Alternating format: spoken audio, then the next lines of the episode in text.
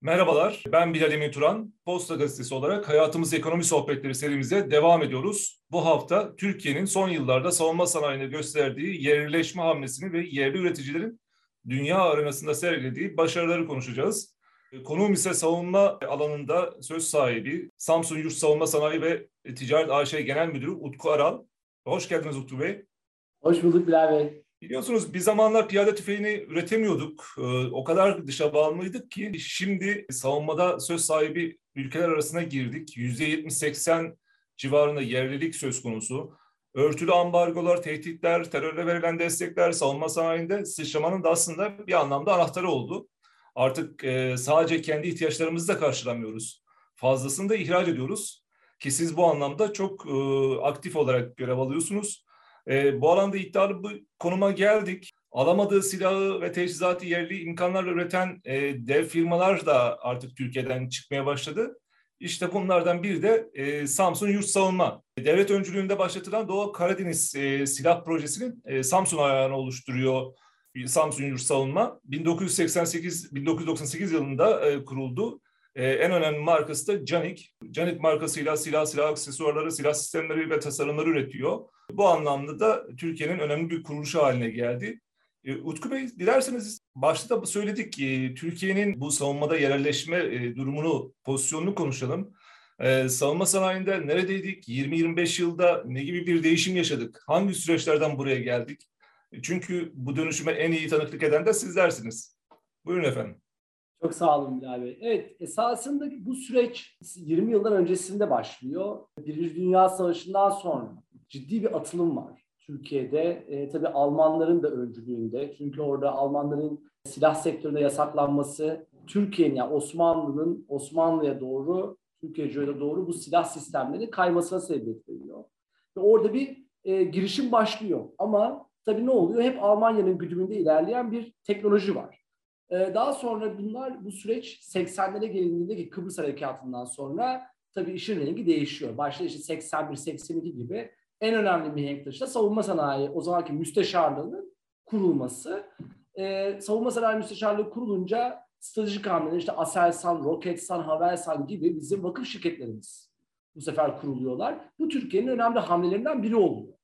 Daha sonra uzun yıllar e, işte e, daha böyle kolay ve o an acil olan ihtiyaçlar karşılanıyor. Bunlar işte Stinger füzeleri gibi, işte F-16 projeleri gibi bu projeler yapılıyor.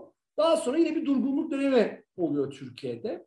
Dediğiniz gibi işte 20-25 sene önce tekrar yeni bir hamle yapılıyor. Savunma Sanayi Müsteşarlığı tarafından. Buradaki en önemli e, hamlelerden bir tanesi Milli Savunma Bakanlığı yerine Savunma Sanayi Müsteşarlığı'nın alımları yapıyor olmaya başlaması. Bu da ne getiriyor? Artık hazır alım değil, yerli ve milli e, üreticiler. Yerli milli derken esasında şunun altını çizmek istiyorum. Yanlış anlaşılmasın yerli milli kelimesi yüzde yüz yerli, yüzde yüz milli olacak anlamına gelmiyor. Eğer bir ürün Türkiye Cumhuriyeti tarafından ihracatı hiç kimseye sorulmadan yapılabiliyorsa bu ürün yerli ve milli demektir. Yani bunun içerisinde yabancı katkı olabilir ama eğer e, ihracatını sorgulamaya getirecek kadar büyük bir hacim yoksa içinde veya o kritik teknoloji içinde yoksa o zaman bu yerli ve milli oluyor. Tabii bu çok önemli bir hamle. Bu, bu, bu vizyon hala devam ediyor. Türkiye'de. Yani bir talep olduğu zaman bizim kolluk kuvvetlerimiz veya ordumuzdan bir talep geldiği zaman ilk başta bunu yurt içinde yerli kaynaklarla yapabiliyor muyuz? Daha sonra bunu nasıl millileştirebiliriz? Akabinde de bunu e, eğer hiçbir şey yapamıyorsak bunu da işte yurt dışından hazır alım yöntemlere gidilmesi konusunda en son ihtimal yurt dışı oluyor. Evet bugün gelindiği, geldiğimiz noktada önemli bir aşamadayız. Bu demek değil ki iş bitti. Daha yapacak çok şey var. Ama en azından şunu söyleyebilirim. Bu bir vizyon modernizasyonu diyelim. Kendi aklımızın, beynimizin modernizasyonu. O yüzden bence o aşamanın tamamlandığını düşünüyorum. Bundan sonraki süreç sadece bunu e, iradeli bir şekilde, tutarlı bir şekilde devam ettirmek. Tabii yerli üretim önemli ama burada silahtan bahsediyoruz. Yani hem ülkemizi savunacak dayanıklı silahlar olması gerekiyor. Ve bu anlamda da kalite ön plana çıkıyor. Yani herkes e, silah üretebilir. Bir evde de aslında bodrum katta da silah üretildiğini Türkiye'de zaman zaman duyuyoruz ama burada kalite önemli. Silah teknolojisinde neredeyiz? Yerli imkanlarla üretilen bu silahlar global arenada yani aslında hani Türkiye'nin gücünü nasıl yansıtıyor? Biraz da bunlardan bahseder misiniz? Dediniz yani yüzde yüz yerli olmak zorunda değil. Önemli olan işte patenti bize ait olsun, üretim aşamasında dışa bağımlılık olmasın. Ya, bu çok önemli bir şey. Yani ülkenin savunması açısından da hayat önemli. Tabii yüzde seksen yerlilikten bahsederken bunu da aslında vurgulamak gerekiyor diye düşünüyorum. Kesinlikle e, haklısınız. E, şimdi silah dediğimiz zaman ateşli silahlar üzerine konuşursak, silahları bir, bir kere bir ayrıştırmak gerekiyor. Hafif silahlar, orta kalibre, büyük kalibre silahlar. Bunların hepsinin e, alanları ve kullanım alanları farklı. Ama bugün e, Türkiye, evet piyadenin ihtiyacı yani e, taşınabilir silahlar dediğimiz zaman önemli bir atılım yaptık. Türkiye'nin şu an hafif silah alanında bütün projeleri şu an var. Yani her türlü kalibre, hafif silahı şu an Türkiye en güzel şekilde üretebiliyor. En seri şekilde üretebiliyor. Ülkemizin ihtiyacını karşıladığı gibi ihracat yapıyor. Şimdi bir kere hafif silah alanında önemli gelişim gerçekleşti. Önemli bir oluşum. Bundan sonra artık daha verimli silahlar, işte daha e, işte üretimi kolaylaştırılmış veya işte değişik ebatlar, size'lar vesaire ama en azından portföy şu an tamamlanmış durumda. Türkiye'nin şu an yapmakta olduğu hamle orta kalibre. Yani nedir orta kalibre? 20 milimetre ile 50 milimetre arası silah sistemleri. Bunlar şu an Türkiye için çok kritik. Neden çok kritik? Türkiye'nin, şimdi esas biraz yine geçmişe gitmek gerekiyor ne yazık ki.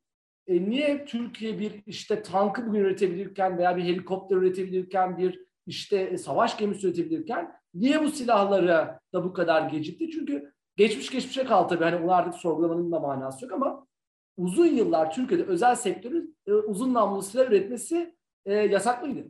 E, böyle bir dönem olduğu için sadece belli bir devlet kuruluşlarının üzerine kaldığı için bu sorumlulukta e tabii o kurumlar da tek başlarına her şeyi bir anda yapamayacakları için önceliklendirme oldu. Önceliklendirme olunca da belli ürünler üretilmedi.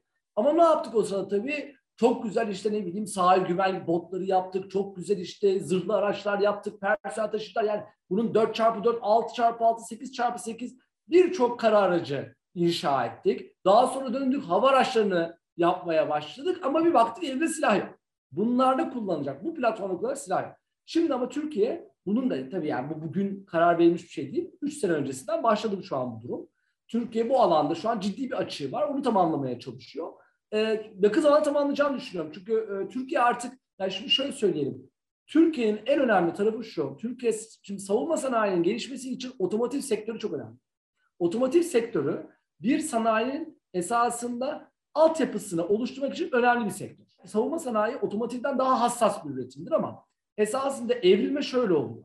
Otomotiv sanayinde çok başarılı olan şirketler esasında daha sonra e, savunma sanayine alt yüklenici olurlar. Böyle bir zincir var burada.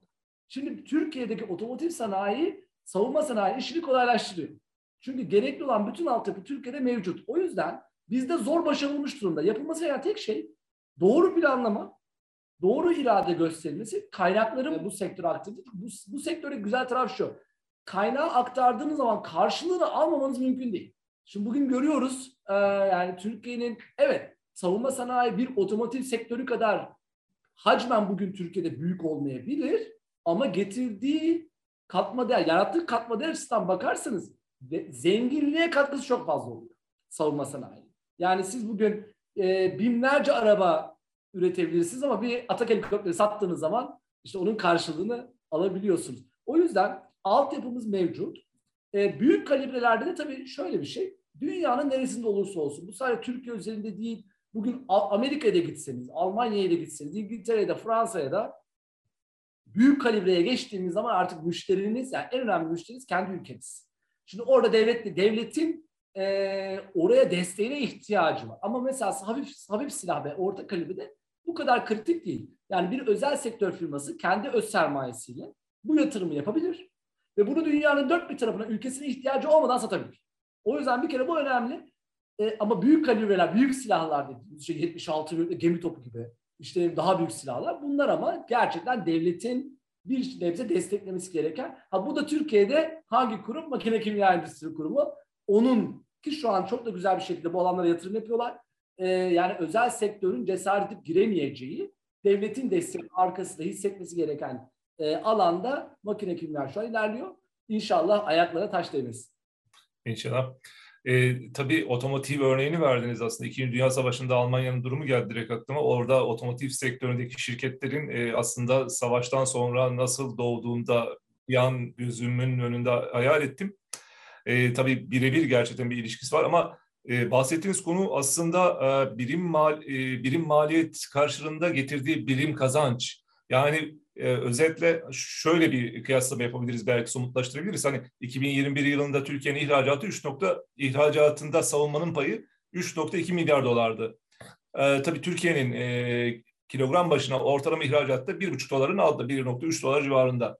Ama savunma sanayinde bu 50 dolara yaklaşmış durumda. Tabii bazı ürünlerde bu çok daha yüksek. Yani 100 doların belki de 100-150 doları buluyor. Bunu da yer yer okuyup dinliyoruz, görüyoruz.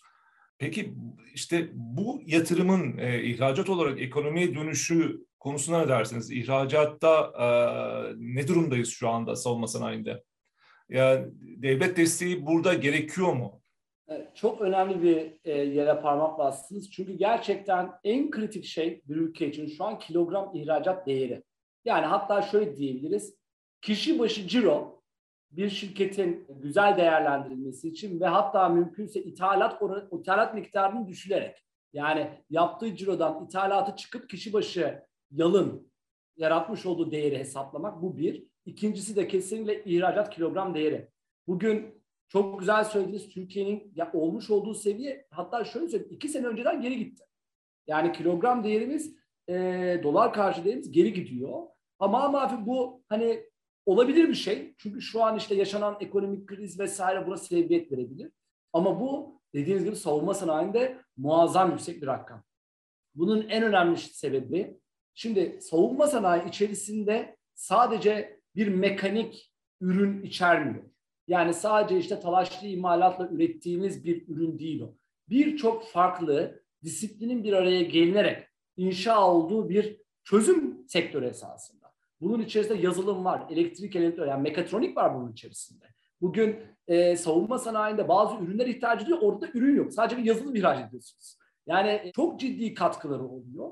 Bugün mesela bizim bizim alanımıza baktığımız zaman silah sektöründe bizde kilogram satış karşılığı yani kilogramın e, dolar karşılığına bakıldığı zaman nereden baksanız tabanca diye bakarsak en küçüğünden 130 dolarlarla 170 dolarlar aralığında böyle bir alanda oynar. Bizim mesela baktığınız içinde makinalı tüfek vesaire olan bir e, firmaya baktığınız zaman bu rakam işte 250 dolarlara hatta 300 dolarlara kadar kilogram değeri çıkar. Tabii buradaki husus şu. Bizim sektör, silah sektöründe toplamacın küçük. Yani yapmış olduğumuz biz dünyada en büyük alanında yedinci firmayız. İşte Türkiye'nin ihracatının 175'ini biz yapıyoruz kendi alanımızda. İşte Amerika'ya ihracat dünyada üçüncü en büyük firmayız. Ama ve lakin total yaptığımız satışa baktığımız zaman evet Türkiye için çok büyük bir rakam ama ülkenin ihtiyaçlarını karşılayacak veya ülke, ülkenin açığını kapatacak bir seviye değil. Ama tüm savunma sanayi değerlendirdiğimiz zaman evet bugün bugün 3,5 milyar dolar ama 3,5 milyar, milyar dolardan gelen zenginlik çok fazla. Çok fazla bir zenginlik geliyor. O yüzden kesin artması lazım. Biliyorsunuz Türkiye Cumhuriyeti hedefi 10 milyar dolar. Şu an en yakın vadede. Biraz evet yani şimdi tabii istenmeyen olaylar yaşadık bu arada. Onu da söylemek lazım. Ya bir Covid'i kimse aklınca getirmezdi. Bugün Ukrayna, Rusya meselesi, Suriye'deki yaşanan olaylar, Irak'ta yaşanan olaylar, bunlar Azerbaycan, e, Ermenistan olayı. Bunlar tabii beklenen olaylar değil. Bunlar hepsi esasında Türkiye'nin bu alanda gelişimini etkiliyor. Ama sadece bugün için. Şunu çok net söyleyebilirim. E, bütün bu e, yaşanan e, olaylar, çevremizde yaşanan savaşlar Türkiye Cumhuriyeti'nin yapmış olduğu ürünlerin de kendini sahada ispat etmesini sağladı. Bunun Türkiye'ye muazzam bir geri dönüş olacak. Biz şu an bunu birebir yaşıyoruz. Hem firma olarak yaşıyoruz hem çevremizdeki taleplere baktığımız zaman bizim çevremizden gelen, bizim üretimimiz harici ama Türkiye'de üretilen diğer ürünlere baktığımız zaman çok ciddi bir talep var. Yani 10 milyar dolar rakamını ben her şey yani doğru yönetirse, firmalar her şeyi doğru yönetirse, savunma sanayi başkanlığımız bu işleri doğru yönetirse çok rahat ulaşabileceğimiz bir rakam olduğunu düşünüyorum. Hatta ulaştığımız gibi o rakamı çok da yukarıya çıkartacağımızı düşünüyorum. Hava araçlarında önemli adımlar atıldı. Yani başta insan hava araçları konusu. Zaten Türkiye'nin e, hem işte az önce ilk başta konunun başlangıcında işte bir ambargonun veya bir işte kısıtlamaların Türkiye'nin önünü açtığı sektörlerden biridir insan savaşı sektörü. İşte biz e, İsrail'in insan savaşlarını kullanırken bir anda kendi hava araçlarımızı ürettik ve şu an e, gerçekten alanında yani o, o, o e, klasmanda alanında bir numara olan bir ülkeyiz. Bunun bir kere zaten şu an geri dönüşlerini görüyoruz. İhracat rakamındaki artışın çoğunluğu esasında bir önceki seneye bakarsak insan savarıcı ihracatından geliyor. Ama siz insan savarıcı ihraç ettiğiniz zaman bu sefer bu insan savarıcı atılan mühimmatları bu sefer ihraç etmeye başlıyorsunuz. Bu bir zincir. Bu bir zincir. Oradaki olunan referans sizin diğer alanlardaki ürünlerinize bu sefer odağı arttırıyor. Yani artık bir Türkiye, Made in Turkey veya Made in Türkiye lafı yani bu, bu marka bir değer, bir değer artışını e, sağlamış durumda. Bu olayların hepsi ve bu performans. O yüzden evet kesinlikle savunma ihracatına ihtiyacımız var. Arttırmak zorundayız. Çünkü Türkiye'nin katma değerli, en büyük problemi katma değerli ürün ihracatı. E, bizim bunu sağlamamız lazım. Bunun da en doğru sektörü savunma sektörü. 10 milyar dolarlık hedef gerçekten ciddi anlamda güzel bir hedef. Yani otomotivi de bu anlamda zorlayacağınızı e, burada ilan ediyorsunuz aslında. En büyük rakibi de sizsiniz e, bu anlamda anladığım kadarıyla. Biraz da size dönersek yani Samsung Yurt Savunma'ya dönersek e, yerleşme hamlesinde bu dönemde ne gibi yatırımlar yaptınız? En çok hangi dönemde e, yatırım yaptınız? Biraz önce bahsettiniz, e, Covid dediniz, Rusya-Ukrayna örneğini verdiniz, e, yakın coğrafyada gelişen jeopolitik olaylardan bahsettiniz ama bunu da aslında bir anlamda fırsata da çevirmek mümkün ki buradaki durum e, sizin anlattığınız üzere e, aslında fırsata da çevrilmiş gibi. Siz bu fırsatı yakalayabildiniz mi son dönemdeki o yatırımlarınızla? Biraz da onlardan bahsederseniz size sizin şirkete girmiş olalım. Ya ben şunu çok rahatla söyleyebilirim. Bu dönemi e, en iyi performansla atlatmış şirketlerden birizdir. Belki en büyüğü olabiliriz. E, bu bizim hele kendi alanımızda kesin en büyüğüz. Şöyle söyleyeyim biz e, Covid dönemi bizim çünkü en büyük pazarımız hafif silahtı Amerika Birleşik Devletleri. Amerika Birleşik Devletleri Covid döneminde yani 2020'nin Şubat ayından bugüne kadar hatta şöyle söyleyeyim Ocak ayına bu senenin Ocak ayına kadar diyelim bir Covid etkisi yaşadık. Covid etkisi bizde pozitif anlamda konuşuyor. Yani negatif bir etki değil, pozitif bir etki oldu. Bizim satışlarımızı arttıran, insanların sosyolojik sıkıntıların yaşandığı dönemlerde hafif silahta e, satış artışı olur. E, ve biz bunu çok e, aşırı şekilde yaşadık. Tabii burada zorluklar yaşamadık mı? İşte tedarikçilerimizde problemler çıktı, Türkiye kapandı, işte Avrupa kapandı vesaire oldu ama bu dönemi biz çok iyi yönettiğimizi düşünüyorum. Bütün ekibimizle beraber ve tüm bu aksaklıkları bertaraf ederek satışımızı arttırabildik. Türkiye'de 4 sene üst üste en hızlı büyüyen şirketler arasında olan tek firmayız. Onun üzerine savunma sanayinde bu alanda zaten en hızlı büyüyenler işte olan yegane firmayız. Ee, aldığımız zaten işte savunma sanayi başkanlığı ihracat ödül, ödülleri işte uluslararası alanda aldığımız per, yani ödüller performans tabii bunun göstergesi. Ne yaptık bu dönemde? Durmadık tabii. Biz Amerika Birleşik Devletleri'nde şu an e, Florida'da önemli bir yatırım yaptık. Orada da yine e, şu an Türkiye'de 400 bin silah üretiyorsak Amerika'da da 150 bin silah üretecek şekilde bir yatırım gerçekleştirdik. Ondan sonra e, işte İngiltere'de önemli bir e, hamle yaptık.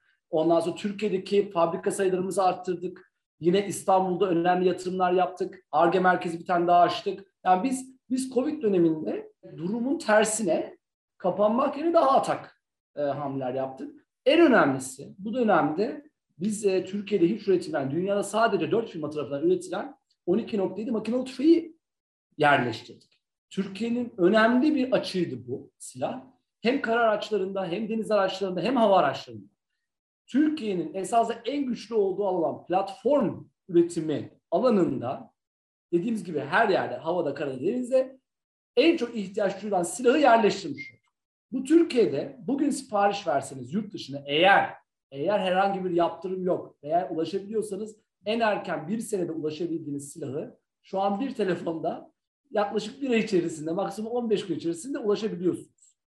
Bu tabii Türkiye'nin tüm sektörlerinin, tüm tüm paydaşlarının faydasına olan e, bir sonuç oldu. Türkiye'nin yaşamış olduğu eskiden bu silahın yokluğundan dolayı yaşamış olduğu çok önemli e, kayıplar var. Mesela işte bir e, önemli bir e, tekne satışı yapıyoruz ama üzerine koyacağımız silah yurt dışına bağımlı olduğu için o ülke o ülkeye satışa izin vermediği için siz koskoca teknenizi satamıyorsunuz veya işte ne bileyim zırhlı aracınızı satamıyorsunuz, helikopterinizi satamıyorsunuz. Şimdi o yüzden bizim bu yaptığımız hamle e, önemli hamlelerden biriydi. Bugün e, Türkiye Cumhuriyet'ten önce Kuveyt, Irak, e, işte e, Azerbaycan, ondan sonra Nijerya, Togo birçok ülke bir anda zaten bizim ürünlerimizi kullanmaya başladı. Ulaşılabilir oldu. Yani silah ulaşılabilir oldu. E, Batı ülkelerinin e, kontrolünden çıkmış, Türkiye'nin kontrolüne girmiş bir ürün haline getirmiş olduk. Tabii bu da ne faydası olacak? Yine ekonomik açıdan bakarsak e, Türkiye'nin ithalatını engellemiş, ihracat yapıyor pozisyonu geçirmiş olduk.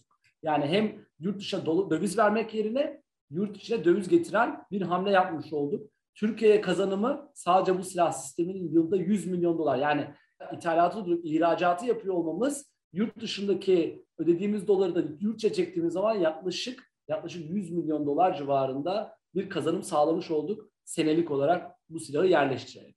Bizim için çok uzun zamandır istediğimiz bir şeydi. Ee, ve bunu da gerçek, gerçekleşmiyor olmaktan çok mutluyuz. Tabii bizim e, bu yetişmiş insan gücümüz e, bu anlamda e, yeterli mi? E, artı siz üretimde bu maliyeti nasıl e, kompanse ediyorsunuz? Yani şöyle bir şey, e, sektör sadece sektörüm adına konuşabilirim bu konuyla ilgili. Çünkü savunma sektörü dediğimiz gibi katma değeri yüksek bir sektör. Yani şu an evet enerji fiyatları artmış olabilir, malzeme artmış ama az önce sizin bahsettiğiniz tespitiniz çok doğru. Herkes için geçer. Bugün bugün Avrupa'da da enerji fiyatları artıyor, Amerika'da da artıyor, Türkiye'de de artıyor. Bu rekabeti etkileyebilecek bir husus değil. Bir ikincisi katma değeri yüksek bir sektör bu. Yani bu sektör yüzde onun altında karlarla çalışan bir sektör değil. Bunun bizim sektör içerisindeki malzeme bedeli de e, bilmiyorum işte diğer sektörleri çok bildiğim bir alan değil. Savunma esas bizim uzmanlık alanımız. Savunma sektörüne malzemenin girdisi düşüktür.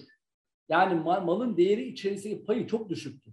O yüzden malzemedeki olan art, değerdeki olan artış bizim ürün fiyatımızı etkilese dahi müşterinin almasını etkileyecek, negatif yönde etkileyecek bir değişim olmaz. O yüzden bu sektör e, fiyat değişiminden veya maliyet değişiminden etkilenmez. Zaten bu, yani şöyle düşünün, bu tip problemler, ekonomik problemler, e, sosyolojik yani sosyolojik sıkıntılara sebep oluyor. Ülke içerisindeki güvenlik problemlerine sebep oluyor. Bu savunma ihtiyacını arttırıyor. Yani esasında bu tip problemler dünyada bizde ters etki yapar. Ee, burada enerjinin artıyor olması veya işte ekonomik sıkıntılara giriliyor olması savunma ihtiyacını arttırır. Uzun yıllar, bakın Avrupa çok uzun yıllardır gayri safi milli hasılasının yüzde ikinin altında şey harcıyor, savunmaya bütçe ayırıyor. Bu çok düşük bir rakam. Bazı ülkeler var birin altına düşmüş durumda. Yani Avrupa esasında uyuyan bir dev e, hiçbir risk görmedi uzun yıllar. Hiç yanı başında bir çatışma görmedi. Kendini güvende hissetti ve savunma yatırımı bile yapmadı. Ama şimdi bugün baktığımızda işte bu yaşanan olay bir anda herkesin tüylerini diken diken etti ve herkes savunma yatırımı. İşte Almanya çıkıyor 100 milyar dolar başkaları diyor bak bu zaten yapılmak zorunda kalacak. O yüzden savunma sektörü biz bugün bakın en önemli bizim dikkatimiz gereken şey şu. Türkiye Cumhuriyeti bu zamana kadar güzel yatırımlarla çok güzel ürünler geliştirdi ve bunları bunları en kaliteli şekilde, en kaliteli şekilde üretti. Şimdi talep yüksek geldiği zaman kaliteden feragat etmemiz lazım. Şimdi bizim göndereceğimiz ülkeyi mutlu etmek zorundayız. Biz çünkü bakın herkes bir taraftan e, silah veya savunma talebinde bulunacak. Türkiye Cumhuriyeti'nden de talep, talepte bulunacak. Türkiye Cumhuriyeti bugün üst üste Azerbaycan, işte Suriye, Irak, Akabinde işte e, Ukrayna burada ürünleriyle farkını gösterdi. Bu farkın karşılığını alacaktır. Bu talepler gelecektir. Ama nasıl gelecektir? Normalde bizim işte konuştuğumuz 3,5 milyar dolarlık ihracat rakamı bir anda çok yüksek rakamlara çıkacaktır. Ama bizim firmalarımızın buna hazır olması lazım. Alt yüklenicilerimizin buna hazır olması lazım. Yani bu fırsatı da kendime görerek ya ana yüklenicilerimizin burada çok dikkat etmesi lazım. Samsung da bir ana yüklenici. Ana yüklenicilerin bugün Roketsan, Aselsan çok dikkat etmesi lazım. Alt yüklenicilerimizi koruyan, bu ekonomik krize yedirmeyen firmalar olmamız lazım ki bize bu yolda Bu süreçte en iyi desteği onlar verecek. Onların olmadığı, eğer biz onları ekonomik olarak ezdirirsek yarın e, biz de yolda tek başımıza kalırız. Bizim tek yani bu firmaların tek başına yapacağı hiçbir şey yok. Ancak tüm Türkiye olarak, tüm Türkiye'nin altyapısı yani üçgenin piramidin altının da bize destek vermesi lazım ki ana üreticilerimiz bu yolu en iyi şekilde yürüsün, kapasitelerini arttırabilsin, arttırırken de kalitesini koruyabilsin. Yani bu bizim Türkiye'nin şu an bence en kritik e, challenge ne oluyor şu an dilim dönmedi ama yani bu onun e, en zorlu e, vereceğim mücadele bu. E, yapmış olduğumuz üretimin yüzde 95'i ihraç. Bizim yani biz e, geçen sene 10. sene hep yüzde 95 seviyesinin üzerinde ihracat gerçekleştirdik. Bizim en düşük ihracat yaptığımız sene ki o Türkiye'nin o seneki talebi yüksektir. 85'tir. Yani biz 85'in altında olduğumuz bir seneyi ben hatırlamıyorum. Şimdi buradaki tabii husus şu pazarlar değişken. Şimdi ülke ülke saymak çok zor ama şöyle değerlendiriyoruz. Amerika Birleşik Devletleri hafif silah üretimi. Hafif silah ne demek? 12.7 milimetre dahil. Yani 12.7 milimetre dahil bütün onun altındaki silahlar hafif silah girer. Hafif silah pazarının bir numaralısı Amerika Birleşik Devletleri. O yüzden bütün dünya için geçerli. Sadece Türkiye için değil. Bütün dünyadaki hafif silah üreticilerinin en önemli pazarı Amerika Birleşik Devletleri. O yüzden bizim de yapmış olduğumuz ihracatın yaklaşık yüzde 55'i Amerika Birleşik Devletleri'ne yaparız. Bu önemli bir kere bir rakam. Bu, bundandır ki biz işte Amerika'da yatırım yapıyoruz, orada fabrika açıyoruz vesaire yapıyoruz. Oradaki yatırımlarımıza önem veriyoruz. Ondan sonra ikinci bizim için en büyük pazar Avrupa Birliği diyorum. Çünkü Avrupa Birliği'ni ülke ülke olarak belirlemek mümkün değil. Onların içinde ticaret anlaşmasından dolayı bir kere biz biz Almanya'yı kullanırız. Almanya'ya biz ürünlerimizi ihraç ederiz. Orada Avrupa Birliği Avrupa Birliği regülasyonlarına uygun e, denemeleri yapılır. Daha sonra hepsi e, yüklemeye hazır hale getirir ve bütün Avrupa ülkelerine Hamburg üzerinden dağıtılır. O yüzden Amerika bir numara bizim için, iki numarada Avrupa Birliği. Daha sonra Güneydoğu Asya bizim için çok önemli bir pazar. Yani burada kimler var? İşte Filipinler, Endonezya, Malezya, Tayland o bölge bizim için çok önemli. Çünkü Türkiye Cumhuriyeti'nin e, ürünlerinin, bizim üretmekte olduğumuz ürünlerin orada karşılığı var. Yani ne demek istiyorum? Onların da ihtiyacı bizimle aynı. O bölgenin ihtiyaçları, Türkiye Cumhuriyeti ihtiyaçları aynı. O yüzden de bizim üretmekte olduğumuz ürünler onların da önemli taleplerinin olduğu ürünler. Bir etken de orada tabii Çin etkeni var. Çin'in e, tabii o bir, çok uzun yıllar oradaki e, ülkelerin üzerindeki hegemonyası tabii onların Çin'den uzaklaşmaya çalışması en güvenli adreste Türkiye Cumhuriyeti oluyor. Çünkü gerçekten Türkiye Cumhuriyeti iyi bir dost, iyi bir partner. Yani gerçekten ticarette e, bir Avrupa ülkesinden veya bir Amerika e, örneğinden çok daha iyi bir partner. Türkiye her alanda göstermiştir kendi dostluğunu e, ticareti olan, ilişkisi olan herkese herkesin arkasında durmuştur. Ticaretten de arkasında durmuştur. Yapmış olduğu ürünün de arkasında durmuştur. O yüzden Asya bölgesi bizim için önemli. Onun harici tabii yıldız diyebileceğimiz Afrika. Yani Afrika'yı ülke ülke ayırmak değil, Batı Afrika, Doğu Afrika ve Güney Afrika olarak diye değerlendirirsek, Batı Afrika şu an Türkiye'nin gerçekten odağında olan, önemli. Zaten Cumhurbaşkanımız da daha yeni e, o bölgeye ziyaret yaptı. Yani Doğu, Batı Afrika derken neden bahsediyoruz? İşte Gana, Nijerya, Togo, işte e, Burkina Faso, e, işte Fil sahilleri vesaire. O bölge önemli bir bölge. Uzun yıllar Fransızların e, kontrolünde olmuş olan bu bölgenin de kendi e, bağımsız, özgürlük arayışı var. Özgürlük derken şu an tabii ki de özgürler ama ekonomik özgürlük arayışı var. O yüzden Türkiye için önemli bir pazar. Burada da e, önemli hamlelerimiz var. Bizim e, önemli satışlarımız e, bu bölgeye gerçekleştiriliyor. E, Güney, Güney Afrika dediğimiz zaman zaten önemli bir ülke. Güney Afrika'nın zaten etkisi kendi kuzeyindeki ülkelere, Botswana vesaire o ülkelere çok büyük etkileri var. Yani e, Arap ülke, Arap bölgesi de şöyle bir güzellik var Arap bölgesiyle ilgili. Türkiye Cumhuriyeti bundan 8 sene önce Arap bölgesiyle muazzam ilişkiler içindeydi. Çok önemli satışlar, çok önemli e, işbirlikleri e, yapıyordu. Ve bir anda bu e, işte e, politik, siyasi nasıl adlandırıyorsak ilişkiler bir anda durdu. Bu ilişkilerin durması esasında ilk başta çok kötü bir etki yarattı sektörde. Yani bir anda alınan siparişler askıya alındı, işte yapılan yatırımlar, işte biz şimdi bu yatırımlar ne yapacağız diye bir telaş ortaya çıktı. Ama ve lakin şimdi o zaman içerisinde bu kapasiteler başka pazarlar arandı, bulundu ve bu kapasiteler dolduruldu, bu ticaretler yapıldı. Şimdi bir de üzerine Arap bölgesiyle ilişkilerimiz iyileşiyor. Bugün işte Suudi Arabistan, Katar, Oman, e, Bahreyn, işte e, işte belki hatta yakın zamanda Mısır. E, bu bu alan, bu bölgedeki ticaret ticari ilişkilerimizin gelişmesi çok önemli çünkü mesela bizim firmamız açısından bakarsanız Bahreyn mesela bizim için çok önemli bir pazar. Hala da öyle. Biz ilişkilerimiz hiçbir zaman durmadı ve e, ticaretimiz hep devam etti. Ama şunu unutmamak lazım. Orada Suudi Arabistan ve Birleşik Arap Emirlikleri gibi dünyanın en büyük savunma harcamalarını yapan iki ülke var.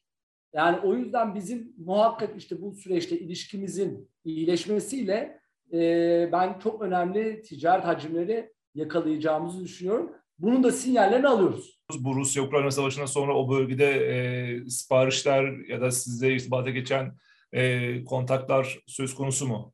E, tabii ki de. Şimdi şöyle e, bir kere şunu unutmamak lazım. Ukrayna bizim e, çok uzun zamandır desteklediğimiz bir ülke.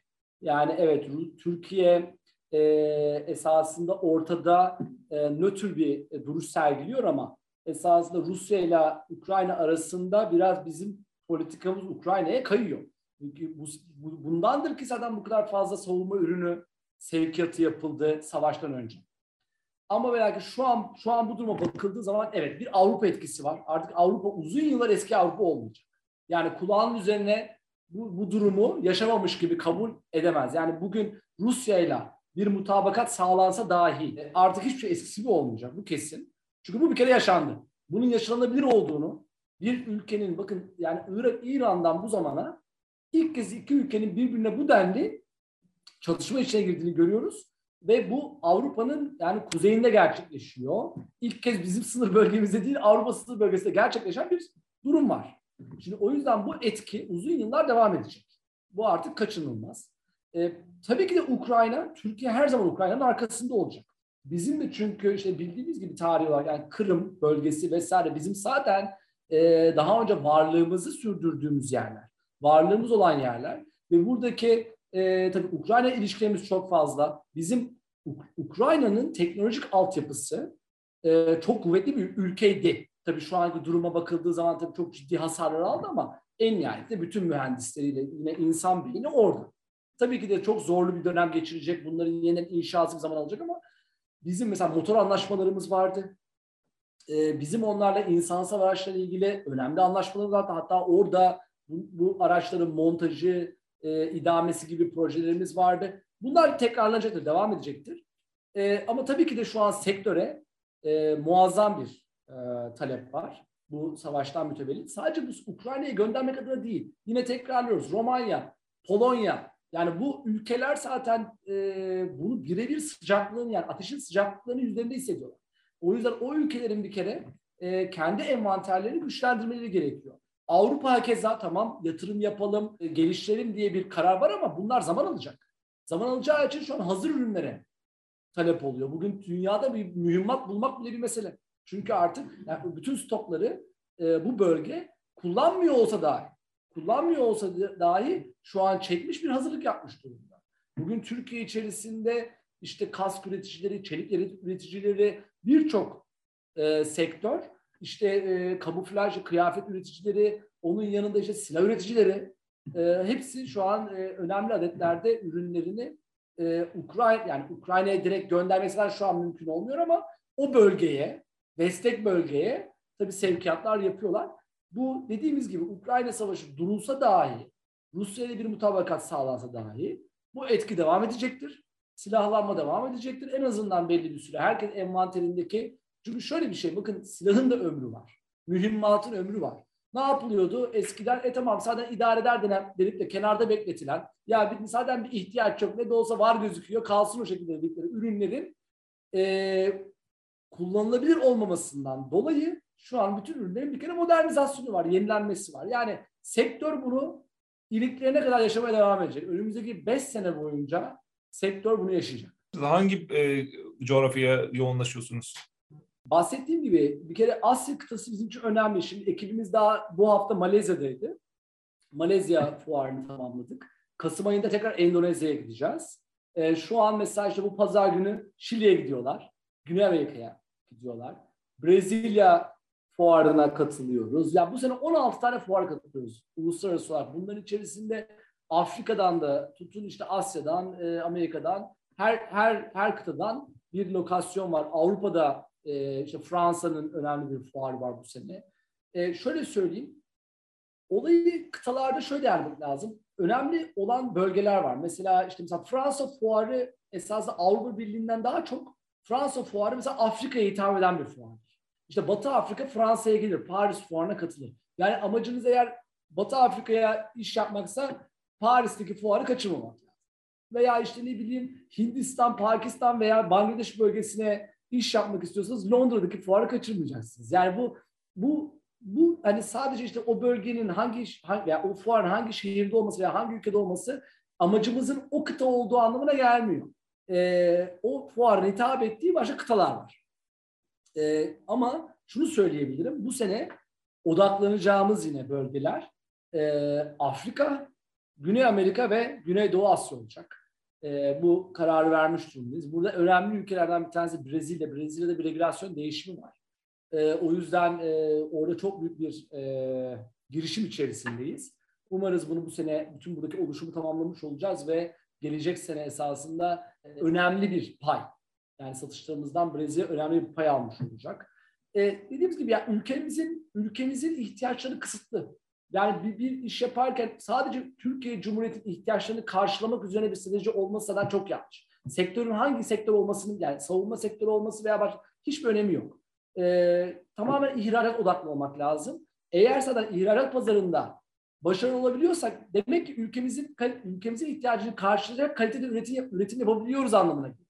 Yani orada ihracat yapıyorsak biz şu an bu ülkede ülkemizin ihtiyaçlarını rahatlıkla karşılayabileceğimiz anlamına ve bunu şöyle düşünün, işte dört kıtada yaptığımızda da dört kıtanın bile ihtiyaçları, çünkü herkesin ihtiyaçları farklı. Ee, yaşadıkları ortam farklı, coğrafya farklı.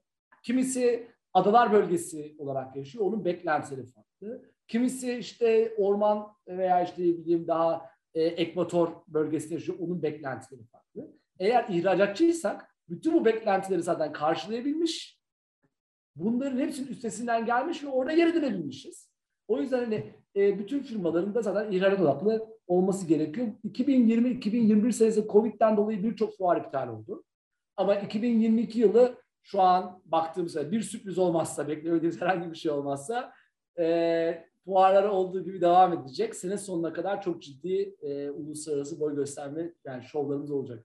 E, çok güzel ve detaylı bilgiler verdiniz. E, keyifli bir sohbetti. Benim merak ettiklerim e, bu kadar. Sizin eklemek istediğiniz bir şey varsa buyurun lütfen. Çok teşekkür ederim Bilal Bey. Çok da güzel, bence çok güzel program oldu. Bence de e, elinize sağlık, dilinize sağlık. E, konuğum Samsun Yurt Savunma Sanayi Genel Müdür Utku Araldı. E, verdiği bilgiler için kendisine çok teşekkür ediyoruz. Tekrar görüşmek üzere, hoşçakalın.